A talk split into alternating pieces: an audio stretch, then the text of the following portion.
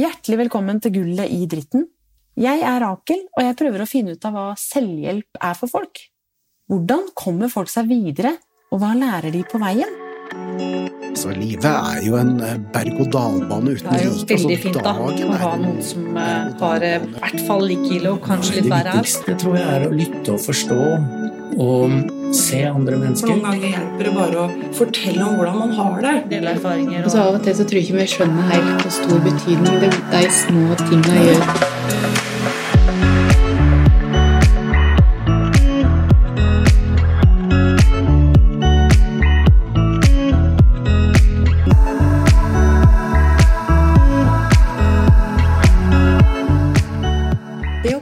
Posisjon til å ivareta seg selv i en belastende pårørendesituasjon er vanskelig for mange.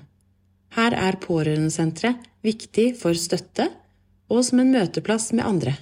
I dag har jeg tatt turen til Pivete-senteret i Porsgrunn, et pårørendesenter drevet av LPP i Vestfold og Telemark. I regi av Pårørendesenteret arrangerer de kurs i mestring av belastning, og legger til rette for selvhjelpsgrupper som en mulighet etter at kurset er ferdig. Link i Vestfold og Telemark er også samlokaliserte med Pivete. Link er et senter for opprettelse av selvhjelpsgrupper. Hanne har stor tro på selvhjelp. Det å dele erfaringer, nettverk og samarbeid på tvers av organisasjonene og mellom det offentlige og frivilligheten. Hvordan komme i posisjon til å få hjelp når du som pårørende sliter? Hjertelig velkommen, Hanne. Tusen takk. Nå har jeg kommet til Porsgrunn, ja. Hva er det som skjer her på dette fine senteret deres? Her har vi etablert et, eh, et senter hvor pårørende innen psykisk helse og rus eh, kan komme og få hjelp i tunge dager. Mm. Åssen er eh, trafikken her om dagen? Nå har det vært korona, da, men det åpnes jo opp nå. Ja, det gjør det. Vet du hva? Vi starta opp her, det senteret her i august, Ja. så vi er ganske nye. ja. Men vi har jo hatt eh, enorm pågang siden vi starta. Ok. Eh, hadde jeg aldri trodd at det skulle være så mange som trengte hjelp. Men det har det vært. Eh, så her er det fullt trakk. Mm. Så ja. Hva betyr sånne For dere har, jeg har forstått det sånn at dere har selvhjelpsgrupper her? Vi har selvhjelpsgrupper, blant annet. Ja. Her driver vi med alt ifra ja, vi har enesamtaler, gruppesamtaler. Vi kjører noe som heter kurs i belastningsmestring. Og så har vi temakvelder annenhver uke, hvor vi løfter ulike temaer innen psykisk helse med pårørendeperspektiv. Og får dratt i gang samtalegrupper rundt det. Mm. Mm. Hvorfor er det så viktig, tror du, med sånne grupper at de får møtes flere? Nei, Det er jo noe med det å ikke føle seg så alene. For at, øh, og det er jo kanskje spesielt når det gjelder øh, psykisk helse. Fordi at uh, psykisk helse er så tabu å snakke om. Det er um, Det kan gjelde alle de andre, og da har vi respekt for det, men ikke meg. Nei. Ja, Ja, det er bra. Det er litt den. Ja, det er det. det er det. Ja, det, er det. Og det er, liksom, uh, det er et eller annet med det at uh, du kan godt gå i butikken og treffe andre, og så kan du si noe om at øh, ja, nei, du skjønner, dattera mi har brekt foten og nå ligger inne for en operasjon eller et eller annet sånt, Liksom, så er det liksom veldig sånn greit. Men du møter ikke naboen på gata og sier at nei, du skjønner, dattera mi er lagt inn på psykiatrisk kurs om det. Fordi at hun er psykisk syk, hun skjønner du.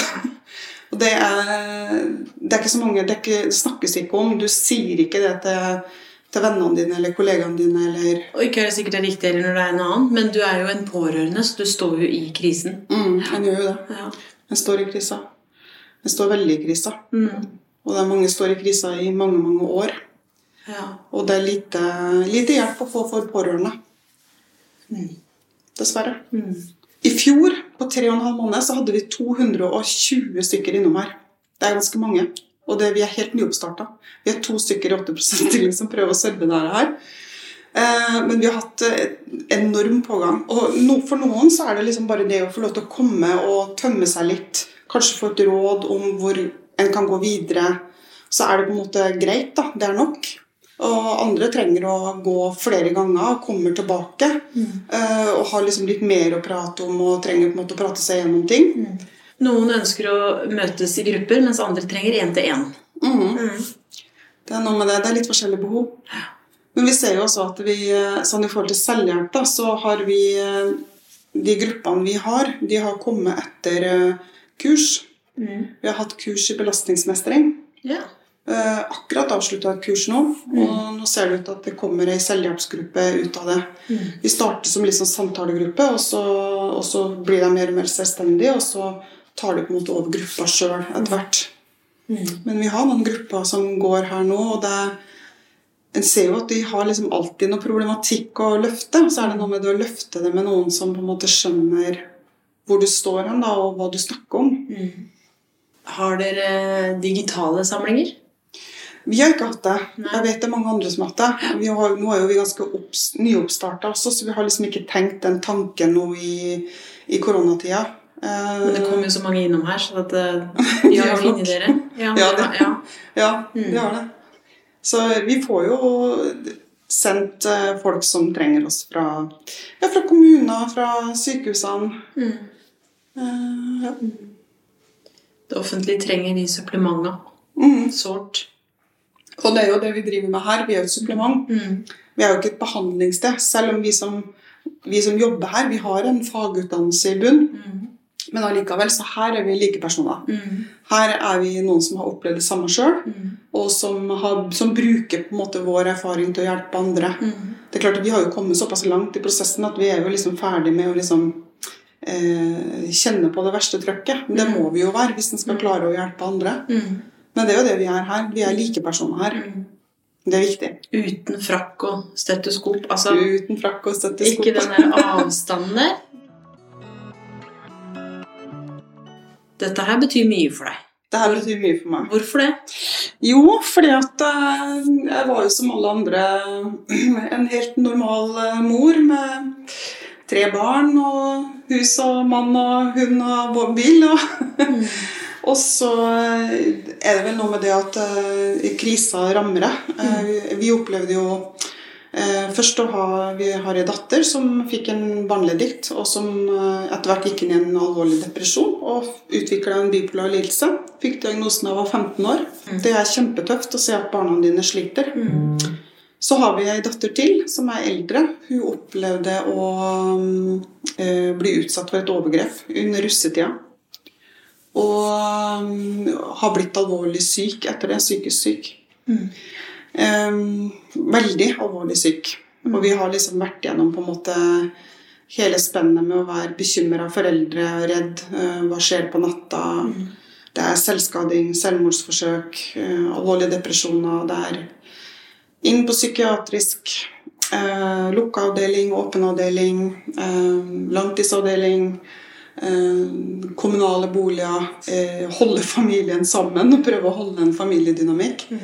Du får mange roller, da. Du er mamma, Ja, du er kone, mm. og du er pårørende. Eh, ja, eh, det blir mange roller. Og jeg jobba 100% i kommunen eh, som leder. Hadde bra lønn og bra jobb. Men det går jo til et steg. Altså, I begynnelsen så holder du på jobben din. Du tenker at eh, det er på en måte det jeg har igjen av Hanne. på en måte. Fordi at verden rundt deg er så altså, Familielivet blir så tøft. Eh, men så plutselig en dag så klarer du ikke noe mer. Så jeg ramla ut av arbeidslivet. Eh, fem år var jeg ute. Sykemeldt og arbeidsavklaring. og eh, kjente, Fikk kjenne godt på den. Eh, ramla sjøl inn i en depresjon og utvikla angst. Det er liksom Når du aldri vet på en måte hva som skjer hjemme, så, så Du vet ikke hva som foregår på jenterommet når du sover. og så slutter du å sove til slutt, og så ligger du og følger med på Messenger isteden. For å se om, ja, om døtrene dine er våken eller lurer på hva de holder på med, og selvskader de. Og, ja. så, så det var en tøff tid. Eh, og så er det noe med det at du som mamma og pårørende opplever et helsevesen som stenger dørene for deg. Det er spesielt, altså. Fordi at psykiatrien på en måte Du, du kommer ikke inn. Du får ikke hjelp. Du får ikke, får ikke drahjelp. Du får ikke vite hvordan du skal være en god mamma eller god pårørende. da. Men hun, altså, hun får hjelp barnet ditt får hjelp, liksom. Ja. Men ikke du som pårørende. Nei, Nei. det er ikke vanlig, det. Nei. Og, de ganger, og jeg har jo spurt noen ganger om eh, Kan jeg få noen samtaler, liksom? Kan jeg få noe veiledning her? Ja. Så sier de bare det at nei, men du kan ta kontakt til legen din, liksom. Og det blir liksom ikke helt det samme, da. Så det ender med at du til slutt må bli så syk sjøl at du sjøl ender med å få ti timer på DPS-en fordi at du, du går så inn i en depresjon. Ja. Eh, og det skal ikke være sånn. Det skal ikke være sånn at du skal måtte gå så langt i den rollen du står i. Da. Så eh, når jeg kom meg litt mer på beina, så tok jeg kontakt med LPP, eller på, eh, Landsforeninga for pårørende innen psykisk helse. Ja. Og der fikk jeg hjelp. Jeg starta på noe som heter kurs i belastningsmestring. Mm. Og eh, kjempebra kurs. Mm. Får noen verktøy som lærer deg å klare å stå på en måte i den belastninga på en litt bedre måte. Da. Og da jeg var ferdig med det, så tenkte jeg at eh, nei, det her må jeg gjøre noe med. Eh, tenkte nå blir jeg med i styret. Hoppa rett inn som styreleder og bestemte meg for å åpne pårørendesenter. Og um, ett og et halvt år etterpå så gjorde vi det. Ja, så det er noe med det at eh, jeg har vel kanskje snudd eh, dårlige år, eh, dårlige opplevelser, til noe positivt. da. Mm. Du har brukt det Jeg har brukt det. til, som en drivkraft, faktisk. Ja, Mm. det blir jo det. Mm. Jeg har eh, eh, går på veldedighetslønn. Eh, eh, storkoser meg i jobben. Jeg har aldri hatt det så bra i arbeidslivet noensinne som det jeg har nå. For en strålende dame. Jeg vil også komme hit og møte dere. Jeg ser jo for meg at når du møter alle disse menneskene som står i sånne kriser som kanskje også ligner på dine, hva kjenner du på da? Nei, jeg, jeg kjenner følelsen. Jeg klarer å være ganske profesjonell oppi det. Jeg har ikke noe sånn eh, Men jeg har fryktelig vondt av folk, og så syns jeg det er veldig godt at eh, jeg kan gi dem noen verktøy, kanskje, til å bedre mestre ting, da. For du forstår. Ja. Det er det de opplever som kommer her. At Ja. du forstår, hvor du har vært igjennom det. Mm. Mm. Og det er jo det de sier òg, Mm. de fleste når de har vært her. Eh, så de kommer jo liksom ferdig med praten og sier det er så deilig å prate med dere. For at det, er liksom, det er noe med akkurat det der som du sier, at eh, dere forstår hva jeg snakker om. Og så har dere så gode råd å gi. Eh, altså Bare litt sånn eksempel av jula, f.eks. Det er jo bare sånn at veldig mange som sliter med, med psyken, de sliter med høytider. Høytider er vanskelig. Det, og spesielt jula. For jula den skal være koselig og hyggelig, og vi skal være med familien. Og vi skal, ha, vi skal følge tradisjonene som besteforeldre hadde, som foreldrene våre, som vi har, som barna våre skal ha. Det, liksom, det skal være en sånn derre Å, det skal være så koselig med jul. Og så er det ikke for alle det er like koselig. Eh, og uka før jul og uka etter jul så hadde vi en kjempe... Altså mange som ringte oss og ba om samtaler. Og grein, fordi at eh, jul er ikke koselig. De skjønner ikke før jul skjønner ikke hvordan de skal komme seg gjennom jula. Hvordan de skal orke. De har den som er syk hjemme, og det kommer andre barn hjem. og hvordan skal, Som ikke har relasjoner til hverandre. ikke sant? Og hvordan skal dette her gå? Og, og etter jul, ikke sant? om julet på en måte som ikke har gått sånn som det skulle. Ting har krasja hjemme. ikke sant? Og eh, voksne barn flykter eh, i- til Oslo eller hvor de nå bor. Eh, fordi at de fikser ikke å være hjemme fordi at det er bare kaos. ikke sant? Så det er, det er mange Det er sånn klassisk sånne, sånne situasjoner da, som eh, Men da ringer de deg, og så tar de det på telefon, eller kommer de hit? ja, Vi får dem til å komme hit, stort sett. Vi prøver det. Mm. Men det kommer jo fra hele fylket, vet du.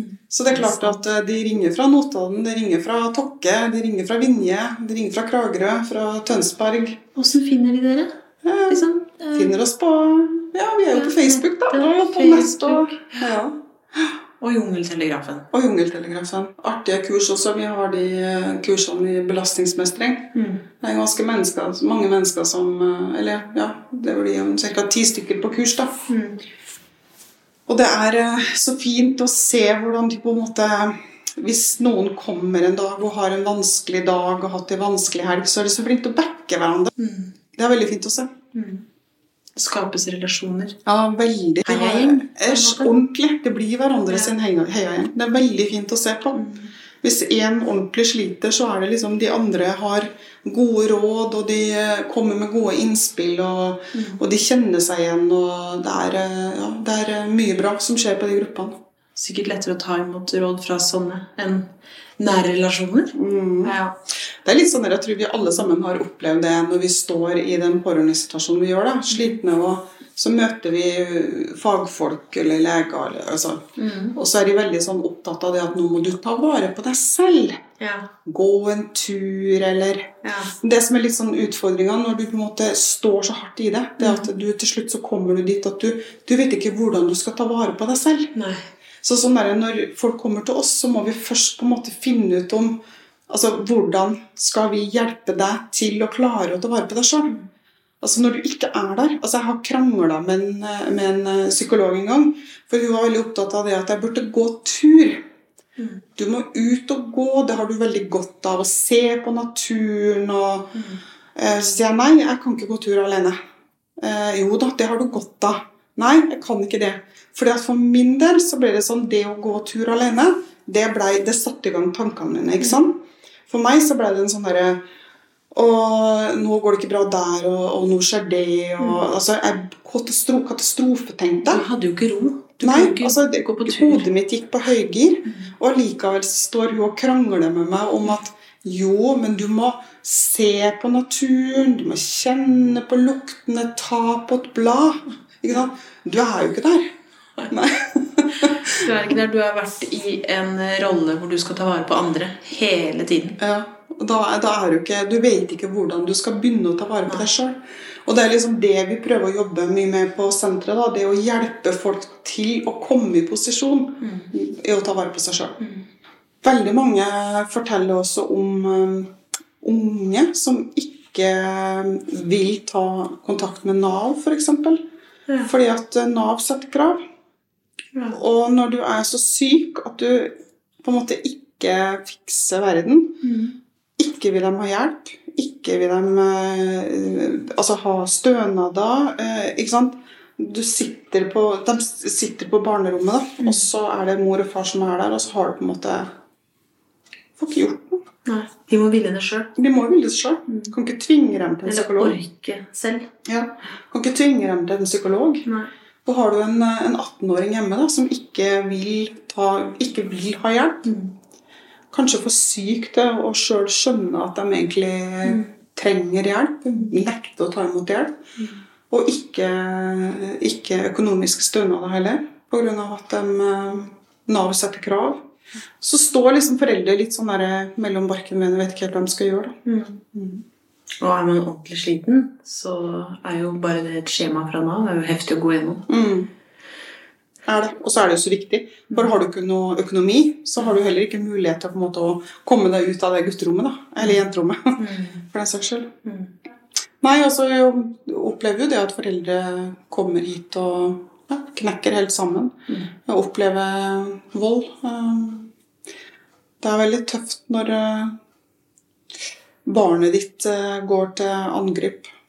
Mm. har opplevd både mot søsken og foreldre. Det ødelegger jo veldig på en måte hele familierelasjonen. da. Skaper frykt. Veldig. Veldig redd, da. Går på eggeskall i huset. Redd for å si noe gærent eller gjøre noe gærent for å vekke sinnet, liksom. Og én ting er liksom eh, det å ha verbal Ha det verbalt, men eh, ja, fysisk. Det er jo ikke noe sånn det er ikke noe ukjent for oss, det. Vi hører mange Vi har mange sterke historier. Mange sterke historier som kommer innom. Mm.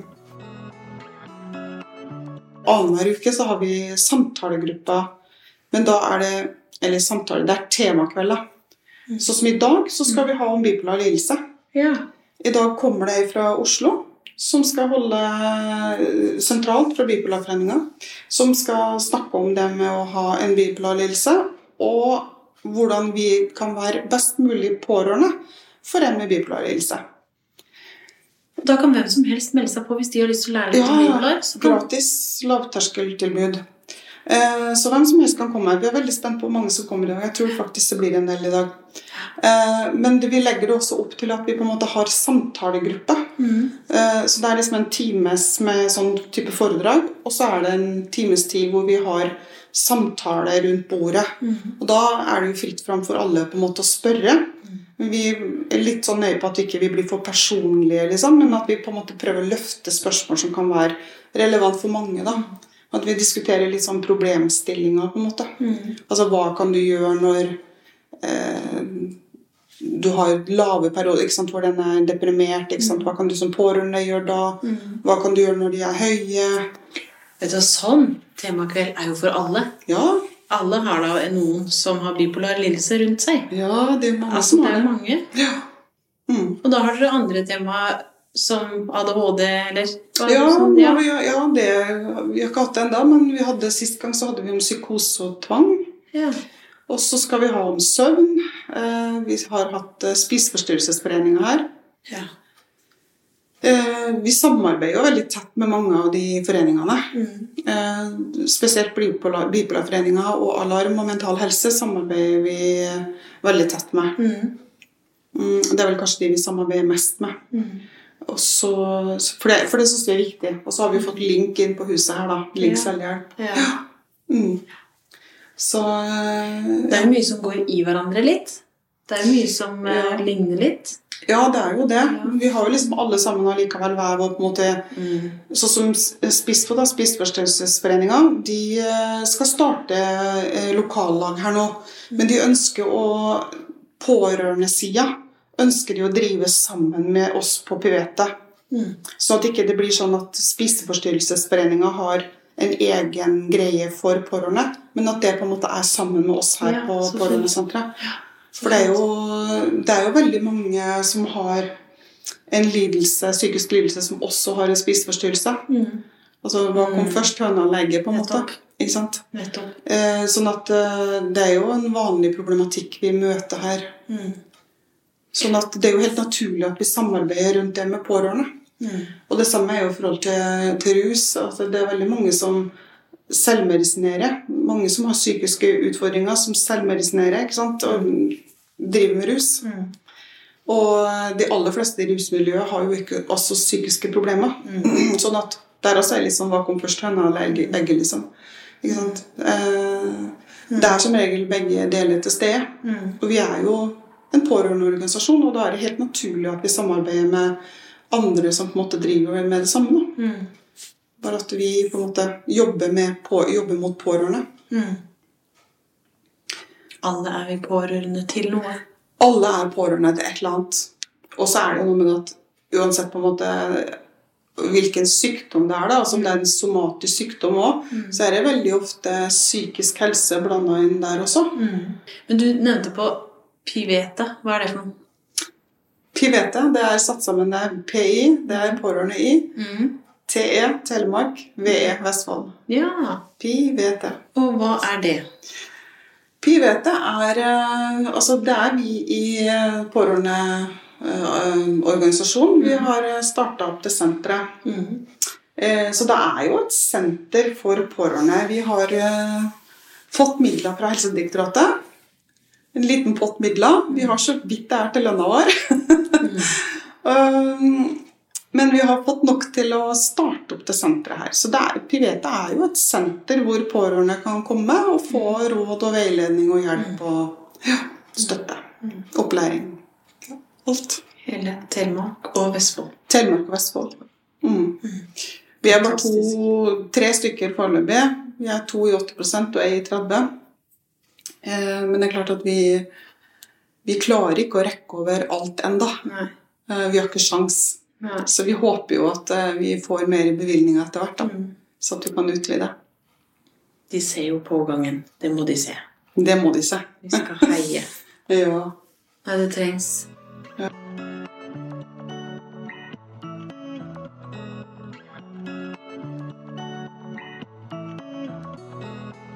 Vi, ikke, vi jobber ikke bare med pårørende. Vi jobber også for pårørende.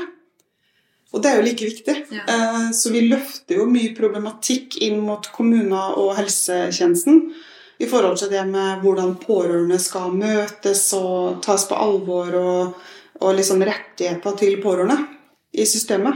Og så jobber vi mot direktoratet Mm. eh, i forhold til pårørende pårørendestrategi, Mm. Men også, også en del eh, rundt brukerne våre. For hvis ikke de vi er pårørende til, har det bra, så har jo heller ikke vi det bra. Det er viktig for oss at de har eh, tilrettelagte boliger, og at de har en plass å gå til. Altså en meningsfull hverdag, liksom. Det er jo like viktig for oss, det. For hvis de ikke har tilrettelagte boliger eller noe å gå til, hvem er det da som presset ligger på? Jo, oss som pårørende. Ikke sant? Så det henger jo sammen. Ja. Så vi er litt sånn uromomenter oppi det her. Turbiner. Ja, vi er all over. så Fantastisk. ja, så vi, vi jobber jo liksom på alle kanter, egentlig. Og det er vi som sitter her eh, i Telemark også, sitter jo i råd og utvalg i kommuner. Vi sitter i, ja, på sykehuset og i brukerutvalg og sånn. Mm. Vi har eh, to faste selvhjelpsgrupper per i dag. Eh, og så har vi jo de samtalegruppene. Det som er litt sånn ålreit, det er at det blir ikke sånn Det kan være alvor, men så er det litt mye latter òg. Det, det er bra. Fordi at, og noen ganger så må man jo se litt sånn galgenhumor i det vi holder på med. Absolutt. Ikke sant? Altså, Vi sliter oss totalt ut. Det er sånn, jeg har sånn metafor jeg bruker den stadig vekk, og den er jo like god, den der bildet alltid. Det er det der, Når du sitter på flyet, ikke sant, så får du beskjed om det at eh, du skal ta på deg den der eh, oksygenmaska først, før du setter den på eh, barna dine. ikke sant? Men vi som pårørende vet du, vi, flyr og setter, vi, vi setter det på alle på flyet. Vi, vi flyr rundt og putter det på alle andre. Og så kneler vi i midtgangen til slutt, og så tar vi et par sup av en eller annen oksygenmaske, og så fortsetter vi på resten av flyet. Sånn holder vi på. Så det er, og det er jo et veldig bra bilde. Ja, det det. Men folk ler av det. Men det er jo noe i det. Om det er mannen din, eller eh, Ja. kona di, eller om det er foreldrene dine, eller Altså, han tar jo ansvaret, ikke sant? Han gjør jo det. Og det er kanskje Og er det barna dine, så, så ja, er det bare vondt, og du gjør jo alt i din makt for at de skal ha det bra. Så Det verste som er det for en mor, tror jeg, det er å se at barna dine ikke har det bra. Og Det er så veldig lett for den andre på utsida som ikke har opplevd det samme. Altså, ja, men slapp nå av, da. Hvis du roer deg ned, så går det sikkert over. Å ja. For det vet de så veldig mye om, eller? Ja. De har jo ikke vært på innsida og sett. Nei. Og det er litt sånn vært snakka en del om på den siste gruppa vi gikk nå også. Eh, akkurat det der, der med, med 'slapp av, det går over'. Eller 'katastrofe, tenker vi nå'. Og så er det sånn at vi har liksom Vi sitter og tenker at eh, går det her, her egentlig bra? Og så sitter vi og bekymrer oss. Og så gjør vi det fordi at vi får stadig vekk noen sånne, på, sånne påminnelser på at nei, det gikk ikke Nei. bra. Nettopp. Ikke sant? Og det er det ikke noen Nei. andre som opplever. Du blei vekka i natt fordi at du måtte kjøre noen på legevakta. ikke sant? Du måtte legge inn eller sy eller ikke sant? Så du vet at plutselig en dag så går det ikke bra. Og så sitter du med den der gnagende greien hele tida. Leite etter eh, signaler du liksom føler på Ja. Åssen er de da? Åssen er stemningsleiet i dag? Ja. Der, eh, jeg snakka med Hun sa det, snakka med barna sine. Øh, for da var det mannen som er syk, da. Og de sier at de, når de går ned trappa øh, til, på morgenen på kjøkkenet og sier hei til, til faren, så leter de etter tegnene i ansiktet på hvordan har pappa det i dag. Ikke sant? Sånn at til og med ungene går jo, og det kommer jo 16-åringer her, som går og har eh, alvorlige eh, symptomer på, på stress, altså sånn i kroppen. sant? De, går med, de går konstant noen til magen, noen til hodet, de sover ikke. ikke? Det er jo bekymring. De, Og de vet ikke at de er pårørende. de skjønner ikke. De skjønner ikke hvorfor de er, så, hvorfor de er syke, da. De skjønner ikke. Og så forteller vi dem at det er, det er fordi at du bekymrer deg for pappaen din, liksom. Du bærer pappaen din. Ja. Mm. Det er derfor du er, går og er så dårlig, da. Mm. Men ingen som har snakka med den, det barnet. Altså, vi hører jo det at uh, en foreldre har vært innlagt. Kanskje over lang tid. Kanskje familien har fått en samtale. Ellers er det ikke noe oppfølging av de barna. liksom. Det er helt vilt. Det er ganske spesielt å se Eller mora di, da. Se mora di være psykotisk, liksom. Det gjør noe med deg som barn. Mm. Mm. Så ja. Men det jobber vi med. Vi gir oss ikke. Vi skal, vi skal inn overalt. Vi skal inn hos helsesøstrene, vi skal inn eh, barnevern, vi skal inn eh, i psykisk helsetjeneste og fortelle det at eh, det er, dere må ta pårørende på alvor. Mm. Så Men der er dere gode. Tusen hjertelig takk for ditt engasjement. jo, Det er helt rått. og- ta litt av. Prate på Det innpust er fantastisk. Og det er så nødvendig. Vi trenger det. Sånne ildsjeler. Her samarbeider de tett med mange av de ulike organisasjonene. Her kommer de sammen og deltar i selvhjelpsgrupper. Hanne forteller at det å stå i vanskelige situasjoner over lang tid som pårørende er veldig belastende. Derfor er støtte, fellesskap og selvhjelpsgrupper her et godt verktøy for mange. De backer hverandre når ting kommer på i livet som pårørende. Knallfint å høre hvordan de løfter hverandre og får veiledning til å stå sterkere. Dems motto er å leve gode liv tross alt. Det er gull å kunne dele. Ønsker du å møte andre i et trygt fellesskap? Se vår hjemmeside for mer informasjon selvhjelp.no.